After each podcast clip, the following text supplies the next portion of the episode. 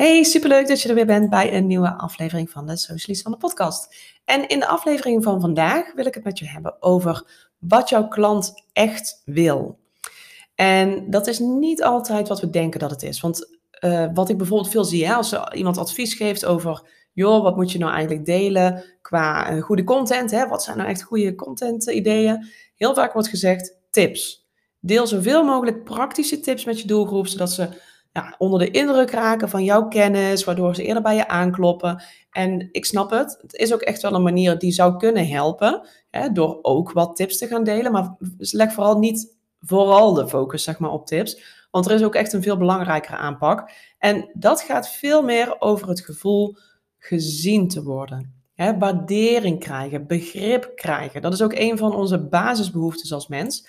Uh, je hebt uh, Abraham Maslow, dat is een Amerikaanse psycholoog.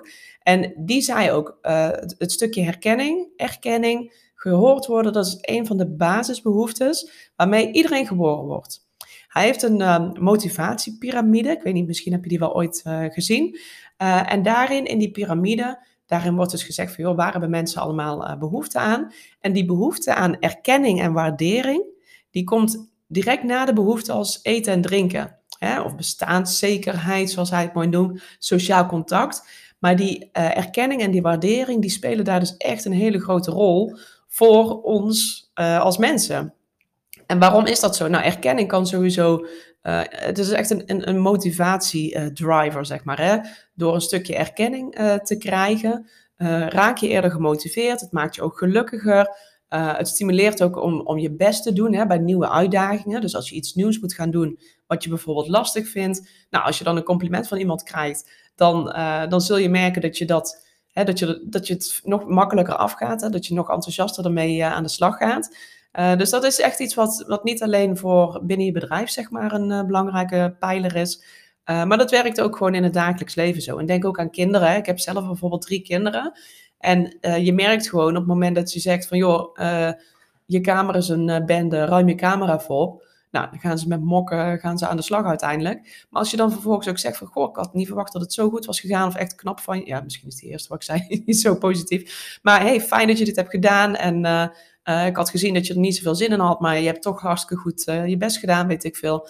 Weet je, dat, dat, dat doet iets met je kind. En dat doet natuurlijk hetzelfde met of je het nou hebt tegen je partner, tegen je kinderen, tegen een vriendin of tegen een klant. Die, dat stukje erkenning, dat werkt gewoon echt op een positieve manier.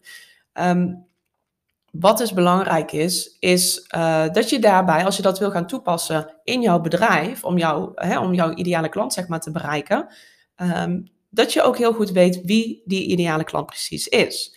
Want dit valt helemaal samen met ook de keuze van jouw doelgroep, specifieker maken, um, omdat jij daar op bepaalde punten kunt gaan inspelen, waar jij stukjes erkenning uh, creëert, hè, waar je bepaalde punten herkent uh, van jouw doelgroep die jij mag gaan uitlichten. En dat kan soms betekenen dat je door bepaalde punten aan te stippen, dat je daar ook mensen mee um, voor je gevoel buitensluit. Hè, waarvan je zegt van ja, maar die loopt niet tegen dit uh, specifieke probleem aan. Um, dus die voelt zich dan niet meer aangesproken. Dat kan inderdaad. Ben je daar wel bewust van? Op het moment dat jij je doelgroep specifieker gaat maken, en met name als jij uh, nog niet zo lang je bedrijf runt bijvoorbeeld, dan is het slim om een hele specifieke doelgroep te maken.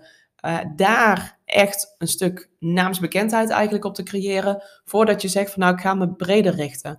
Want ik weet echt als geen ander als jij, als jij um, ook kennisondernemer bent of je bent bijvoorbeeld coach, weet je, voor je gevoel kun jij heel de wereld helpen.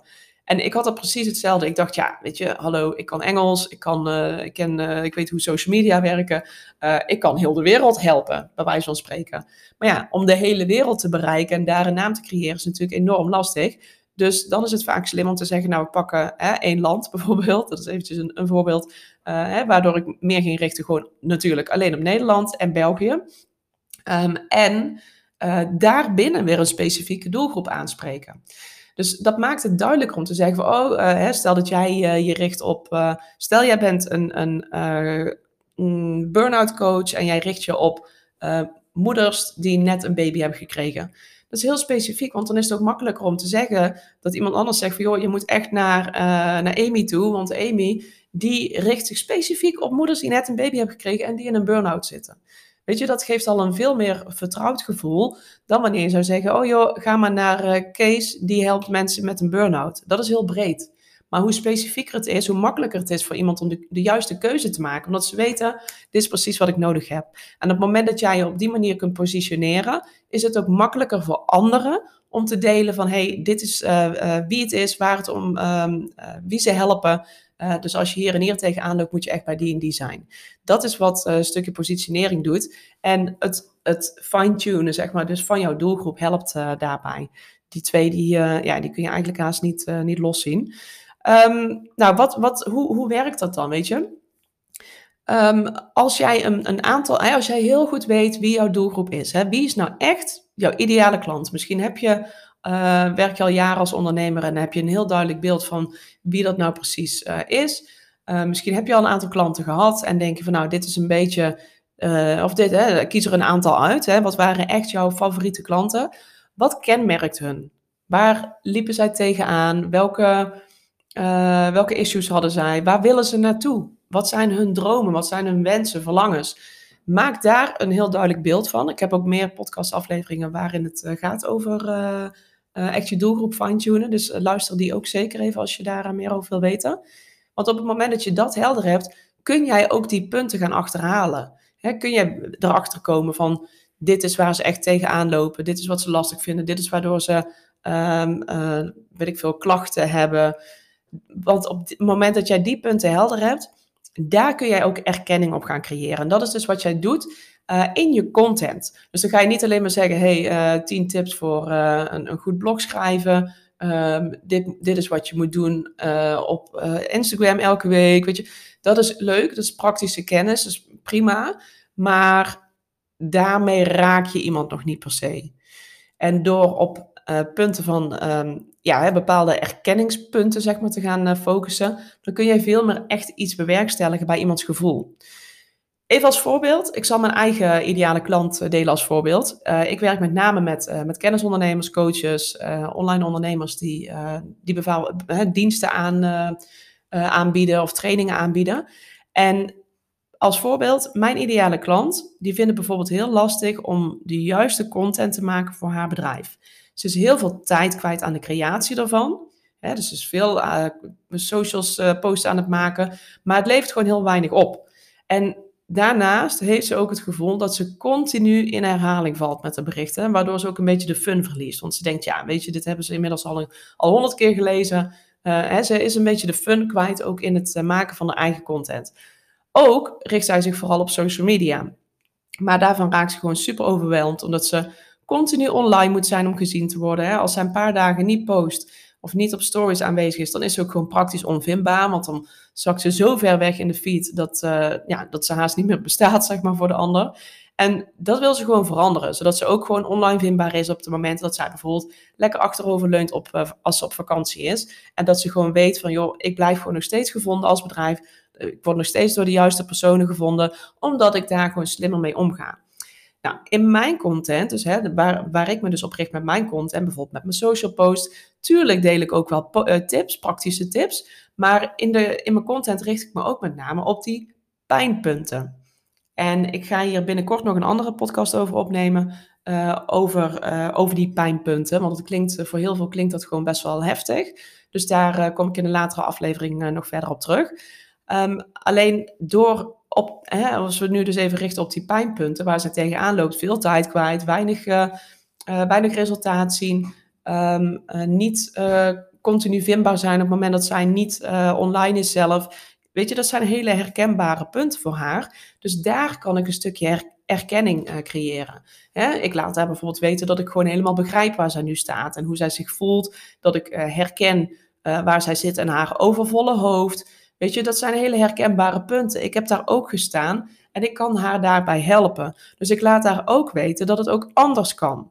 dat als je andere keuzes gaat maken voor de content die je inzet, dat je daarmee je bedrijf veel slimmer kunt inrichten. Dus dat zijn stukjes erkenning en herkenning toepassen, zodat iemand zich echt gehoord en gezien voelt. Dat is heel belangrijk, want vanaf dat punt heb je de aandacht. En vanaf het moment dat jij de aandacht, aandacht hebt, dan kun je ook verder gaan met die connectie ontwikkelen. Hè? Echt die band opbouwen met diegene. Uh, door daarin blijven, die stukjes herkenning te blijven delen. Uh, uiteindelijk is die kans dan veel groter dat ze zeggen: joh, ik herken me helemaal in wat jij allemaal zegt. Uh, ik heb echt meer hiervan nodig. Kunnen we alsjeblieft samenwerken? Die kans die wordt daarmee een stuk groter dan wanneer jij alleen maar richt op, op tips delen, bijvoorbeeld. Dus ga echt dat stukje erkenning, pak dat echt goed vast. Dus pluis die doelgroep van je helemaal uit en ga daarop inspelen. En dat kunnen meerdere punten zijn, hè? Het hoeft niet zo te zijn dat je steeds maar hetzelfde punt aanhaalt. Nee, mensen lopen tegen tig dingen aan in hun leven. Dus haal daar ook gewoon verschillende punten uit. En de ene keer zal de ene wel aangaan op het, op het ene punt en niet op het andere punt. En dat is natuurlijk helemaal prima. Maar blijf daar wel in spelen. En natuurlijk kan het zo zijn dat een, jouw klant die nu tegen zo'n punt aanloopt, uh, daar op een gegeven moment niet meer tegen aanlopen. En dan komt er altijd wel een nieuwe aanwas van ideale klanten. Dus ben daar niet te bang voor. Ga daar lekker op, uh, op, op freestylen. Dus uh, ik zou zeggen, ga hier lekker mee aan de slag. Um, uh, zorg er dus voor dat jij je doelgroep helemaal goed uitpluist, zodat je daar vervolgens de juiste content voor kunt gaan schrijven. Um, als je meer wil weten ook over content tips, ik heb een gratis e-book wat je kunt downloaden op mijn website, waarin ik je vijf tips deel die de meeste ondernemers laten liggen, waardoor ze dus eigenlijk ook gewoon klanten laten liggen.